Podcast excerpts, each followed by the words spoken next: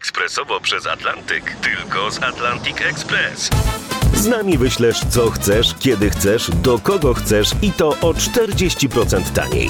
W Atlantic Express wysyłamy wszystko, co chcesz. 1 800 775 7363. Mienie przesiedleńcze, kontenery, paczki do Europy. Atlantic Express to 30 lat doświadczenia i o 40% niższe ceny na wysyłki kontenerów, samochodów i paczek. Ekspresowo przez Atlantyk tylko z Atlantic Express. Mało kto dziś pamięta. Datownik historyczny prezentuje Maciej Korkuć.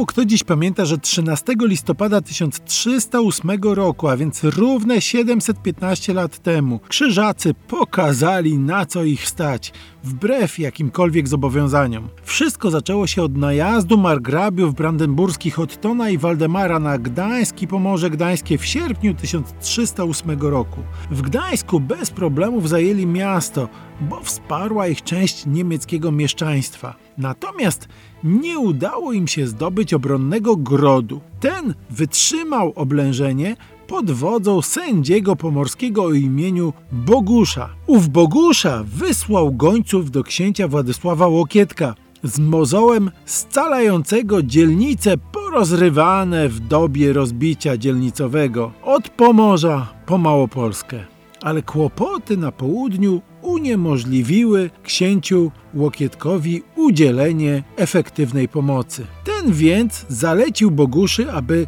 zwrócić się o pomoc do krzyżaków. To nie było nic nadzwyczajnego. Krzyżacy bowiem udzielili już takiego wsparcia zaledwie kilka lat wcześniej, zadowalając się potem drobnymi donacjami jako zapłatą za pomoc militarną. Tak więc się stało. Krzyżacy zjawiają się na Pomorzu w oddziałach dowodzonych przez komtura chełmińskiego Günthera von Schwarzburg. Już od początku października 1308 walczą z Brandenburczykami i tymi, którzy ich wspierają. Odnoszą sukces. Sędzia Bogusza wpuszcza ich do gdańskiego grodu jako sojuszników. No i wtedy przybywają jeszcze im dodatkowe posiłki pod wodzą mistrza krajowego Heinricha von Plockau.